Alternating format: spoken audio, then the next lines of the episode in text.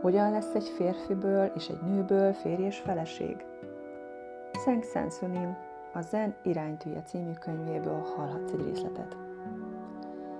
Hogyan lesz egy férfiből és egy nőből férj és feleség? A sok millió ember közül néhányan házasság közvetítőn keresztül házasodnak össze.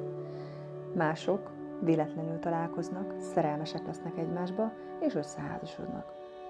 Tekintet nélküle kapcsolatok körülményeire, a találkozás minden esetben az ok és okozat eredményeképpen jön létre. Akkor és ott annak a férfinak és annak a nőnek találkoznia kellett. A tetteik révén valamely előző életükben közösen valamilyen okot hoztak létre, és amikor bizonyos feltételek teljesülnek, ez az ok megszüli az okozatot, mai találkozásukat. Ez nagyon egyszerű. Ebben a világban semmi sem történik véletlenül. Már minden eldöntetett azok miatt a tetteink miatt, amiket korábban cselekedtünk.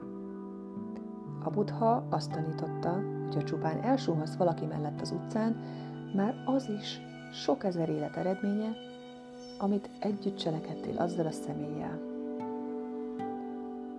Most pedig gondolkodj el azon, milyen sok élet együtt cselekvése kell ahhoz, hogy beleszeres valakibe és megházasodj. Az érző lények birodalmában minden dolog valamilyen elsődleges ok miatt merül fel, ami bizonyos feltételek teljesülése esetén működésbe lép, hogy létrehozza az eredményt. Gyakran karmának nevezzük ezt. A karma csupán szokás elménk. Szokás elme az a tudatunknak egy része. Ha sok-sok alkalommal gondolsz, vagy teszel valamit, létrehozol egy mentális szokást, ami azt jelenti, nagyon jó esély van arra, hogy újra és újra és újra meg fogod tenni ugyanazt a dolgot, valahányszor ugyanazok a körülmények. Így a gondolkodásunk és a tetteink hozzák létre a karmánkat.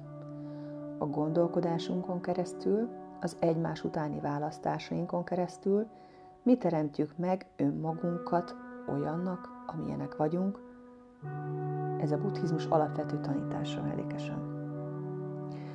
Ami engem illet, az előző életeimben kórai voltam, úgyhogy bizonyos karmát Kóreával és a kórai emberekkel együtt hoztam létre.